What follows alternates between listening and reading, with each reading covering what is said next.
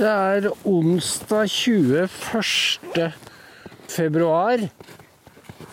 Og jeg har hatt radio med Helena. Det er alltid spennende. Jeg blir inspirert.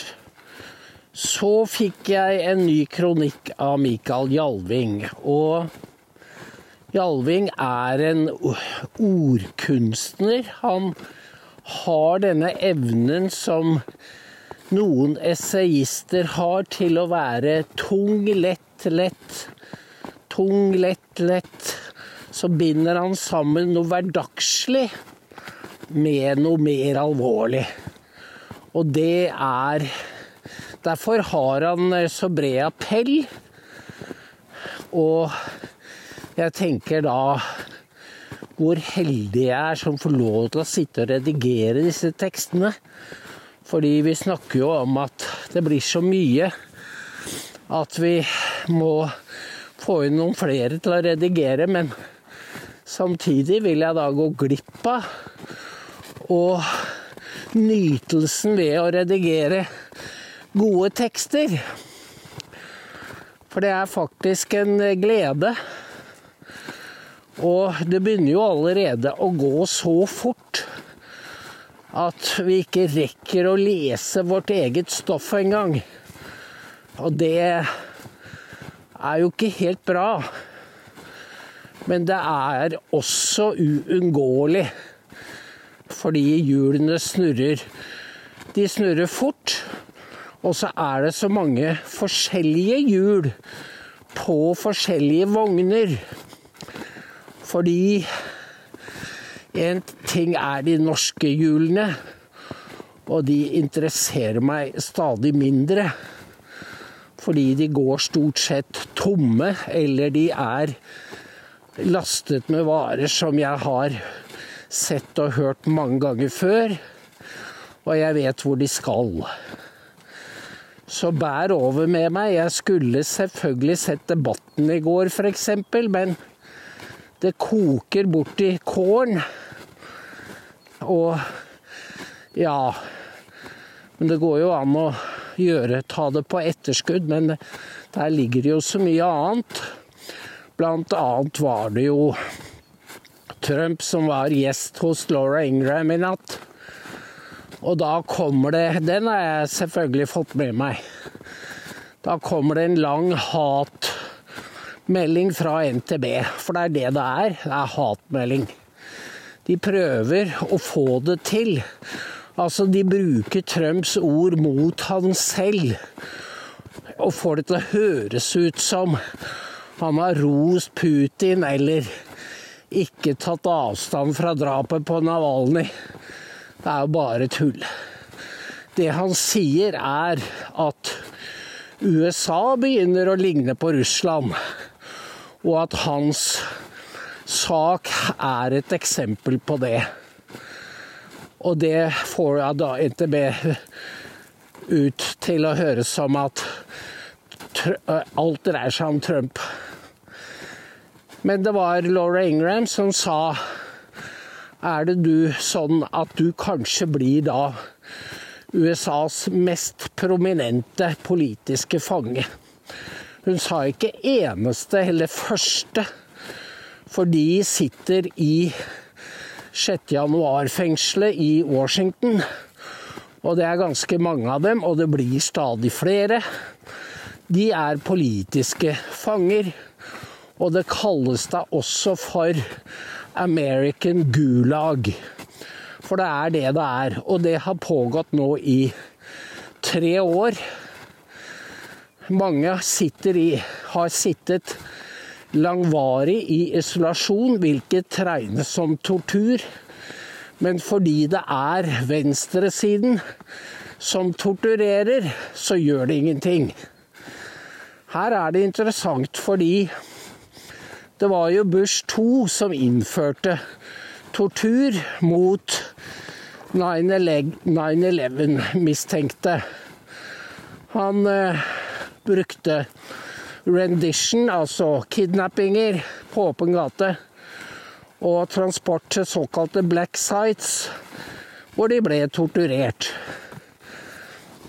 Og de som da var viktige nok, ble sendt til Guantánamo. Og hvorfor til Guantánamo? Jo, fordi der gjaldt ikke de såkalte Miranda rights. Altså når en mistenkt blir pågrepet i USA, så kan han kreve å få advokat innen et visst antall timer. Men det gjelder ikke på Guantánamo, for det er ikke amerikansk territorium.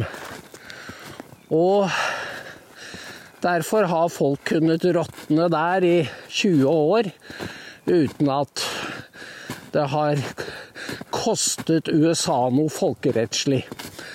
Dere husker sikkert at Obama lovte å stenge Guantánamo. Men da han var på plass, så måtte han jo bare innfinne, avfinne seg med at det var ikke mulig. Samme med Biden. Og da hører vi ikke noe om at USA bryter folkeretten, nei. For det er akseptert. Venstresiden har avfunnet seg med at eh, de er Det er innført to lovsystemer. Ett for Trump og ett for demokratene. Og det samme gjelder nå Israel. Det er ett system for Israel og ett for alle de andre. Og det er det mest alvorlige, er jo Ja, det er mest alvorlig begge to, men Norge er da har stilt seg i spissen for denne, jeg kaller det global pogrom. For det er det det er. Og så får de da er de, de er de gode, så de er mot. De er mot tortur. De er mot De er jo mot drap. Bortsett fra når de står for det selv. Og det er ingen som, kaller, som da avslører norsk dobbeltmoral. Og Barth Eide var på radio i dag og ville endre på Sikkerhetsrådets sammensetning. Norge er helt på en sånn global sør-bølge. Og jeg tror egentlig ikke vi har noe særlig hemninger, bare det gis skinn av at vi er på den riktige siden. Men tilbake til hjulene og vognene. Fordi i USA så er det jo da så mange plattformer å følge med på. At, og dette har jo norske, gått hus forbi norske medier. Det er ikke bare de tradisjonelle. New York Times, Washington Post og de fem TV-stasjonene. Hvorav Fox News er jo ikke hva det var. Og selvfølgelig så er skillet der er Tuckers avspark, oppsigelsen av Tucker. For uh, Rupert Murdoch skrev brev til de redaksjonelle lederne i, på nyåret i 2023 at Trump skulle ikke omtales. Han var en ikke-person. Så jeg vet ikke hva, og det har vi merket på dekningen, ikke minst på nettsiden til Fox. Men eh, Hannity har jo fått lov til å intervjue Trump. Og i går så var det, eller i natt var det altså Laura Ingram. For hvis ikke så vil jo Fox virkelig falle helt igjennom. Trump gir dem jo stadig stikkpiller i selv, selv når han er på Fox, så kommer han med noe stikk. Han var jo Han er i storform. Det er det ingen tvil om. Han er helt på høyden. Men Laura prøvde jo å gi han noen stikkord som han ikke responderte på. Og det må jeg si er litt rart etter så mange år. Fordi hun sa alle disse reglene. Og da snakket de om elbiler, de snakket om vann i vaskemaskiner, de snakket om gass til matlaging. Alt dette her vil jo Biden han vil vrake karbon og, og, og detaljregulere tilværelsen til folk. Så Laura sa du ligger en agenda bak her. Og den tok ikke Trump. Og det syns jeg var merkelig. Og kanskje forklarer det noe av eh, der hvor det sviktet i 20, 2019 og 2020. Fordi eh, Trump forsto ikke at det, eh, hun Deborah Brix, disse legene, og Fauci var farlige mennesker. Han forsto ikke at vaksinen var farlig, og at det foregikk et stort spill bak kulissene. Det er jeg litt overrasket over at han ikke tar frem. At han ikke er det sånn at han ikke vil legge seg ut med farmasiindustrien. Det kan du jo lure på, fordi han er veldig flink til å snakke om trans og menn. Transkvinner som ødelegger idrett og sånne ting. Men han har ikke tatt noe oppgjør med farmasiselskapene. Og det syns jeg er Det er på overtid. Og hans velgere har gjort det fordi de har buet de gangene han har rost vaksinene. Så her er han på Han er på etterskudd, rett og slett. Ellers så snakker han jo som Han er jo på inn- og utpust og er veltalende og morsom. Det, det, han er mest Når han er morsom Han var Han ble intervjuet av Tucker, og så snakket de om Kamala. Og så sa han hun er jo helt Hun snakker i rim. Hva mener du, sa Tucker. Og så tar, tar Trump og, og imiterer stemmen til Kamala, og ikke kaklelatteren, men måten hun snakker på. Og det er sånn Ja, busser, skolebusser er fint. Så kjører vi herfra, så kjører vi derfra. Og det er perfect pitch som det heter på amerikansk, og Tucker blir helt Kan ikke annet enn å, å la seg avvæpne, for det er så tatt på kornet. Så han har en helt unik evne til å etterligne folk og ta noe Ta dem på kornet. Og det er et det er et farlig våpen i politikken for motstanderen. Men altså, de ulike vognene og plattformene og hjulene, det er da Som jeg skrev til, til noen i Danmark Du har offisielle medier i dag i de ulike land. De jo stort, spyr jo stort sett ut det samme. Og de har egentlig problemer med å holde fakta unna publikum som de forstår vil få folk til å stille spørsmål med hva som foregår. Og derfor skrur de opp volumet i Trump-hatet. For det skal liksom overdøve alt det andre. Men eh, det er jo som i det gamle DDR. Du hører når de lyver. Når de snakker om at det går så bra for Ukraina, så hører vi at de lyver. Og til og med Morten Jentoft sa at de etterlot mange døde og sårede. Jeg skjønner at man kan ikke si alt, all, all sannhet i en krig. Men det er forskjell på det og å, ljuge i Ljuge seg inn i et nederlag. Det er veldig farlig. Vi må huske på at vi er et veldig lite land. Og i Amerika så er det halvparten av ungdommen som ikke vil slåss. Og det, jeg tror ikke det står noe bedre til her. Men eh, de ulike sporene og de ulike plattformene eh, Nå har jo Substack kommet i tillegg, fordi du hadde du hadde nettsteder som American Greatness, hvor Julie Kelly jobba. Og Gateway Pundit er fortsatt veldig god. Federalist, Conservative Brief, Real Clear Politics, you name it. Jeg satt i går og leste en gammel artikkel av Paul Sperry, som er en av de beste, om Katie Shung. En kinesisk dame som altså var eh, sekretær for Hunter, Biden. Og i 2012 så begynte hun å jobbe for Biden.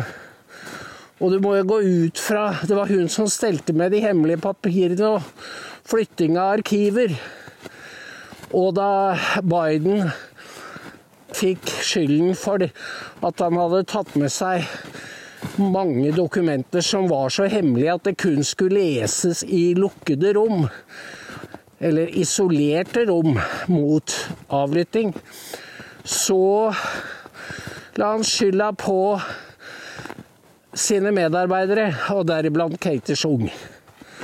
Hun er kineser og kineser, og man må anta at hun har åpen linje til Beijing. Det er status for dagens administrasjon. At Beijing kan drive infiltrasjon og penetrering av Amerika. Nå har det kommet altså 50 000 kinesere over grensa i fjor og i år.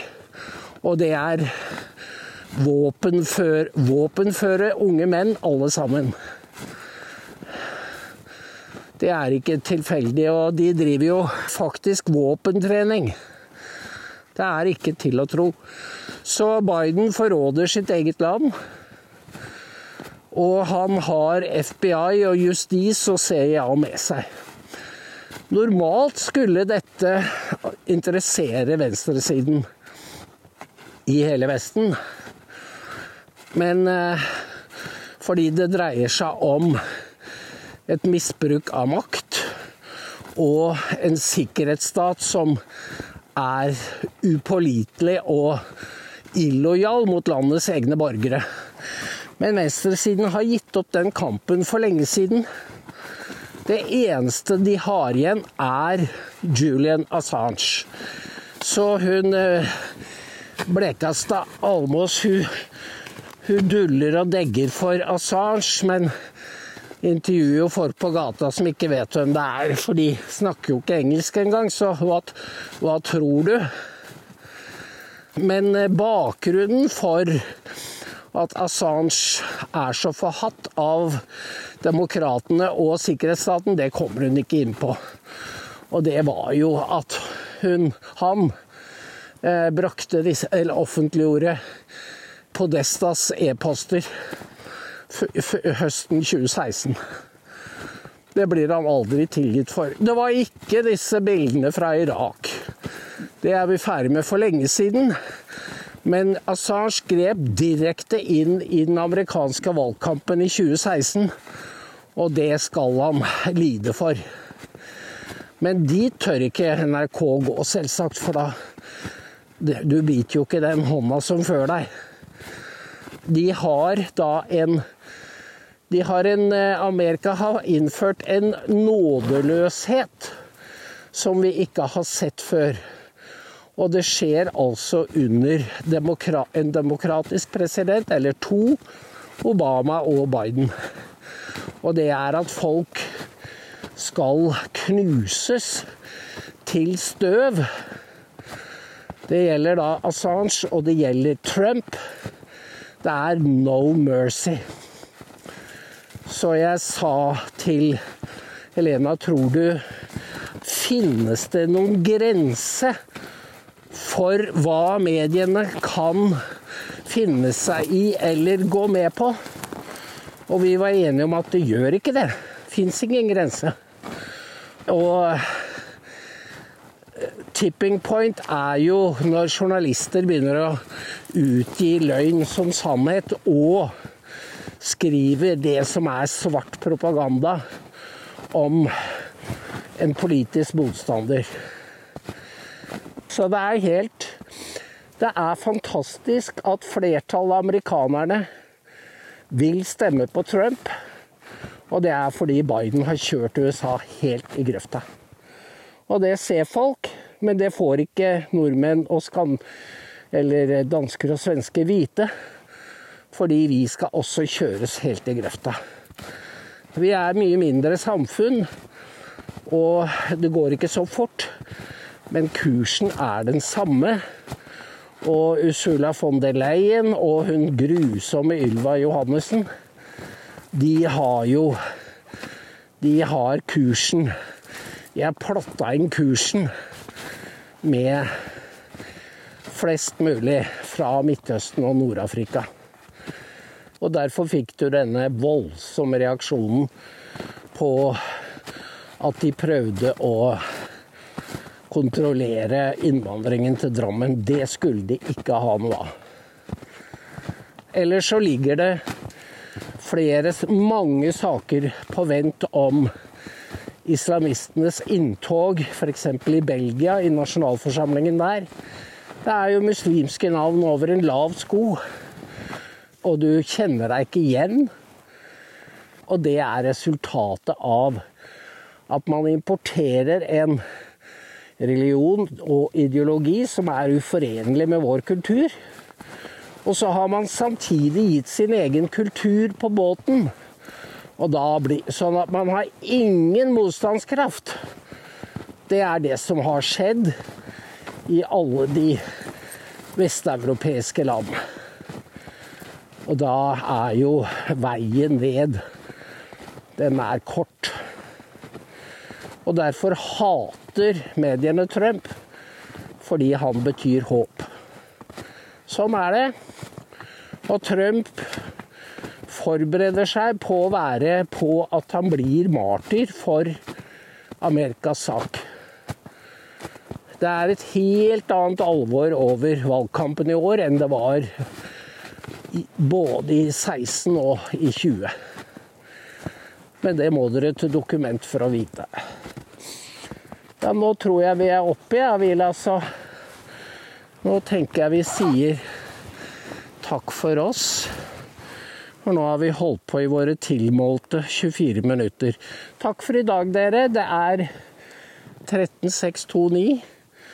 Vi ses i morgen. Takk for nå. Hei.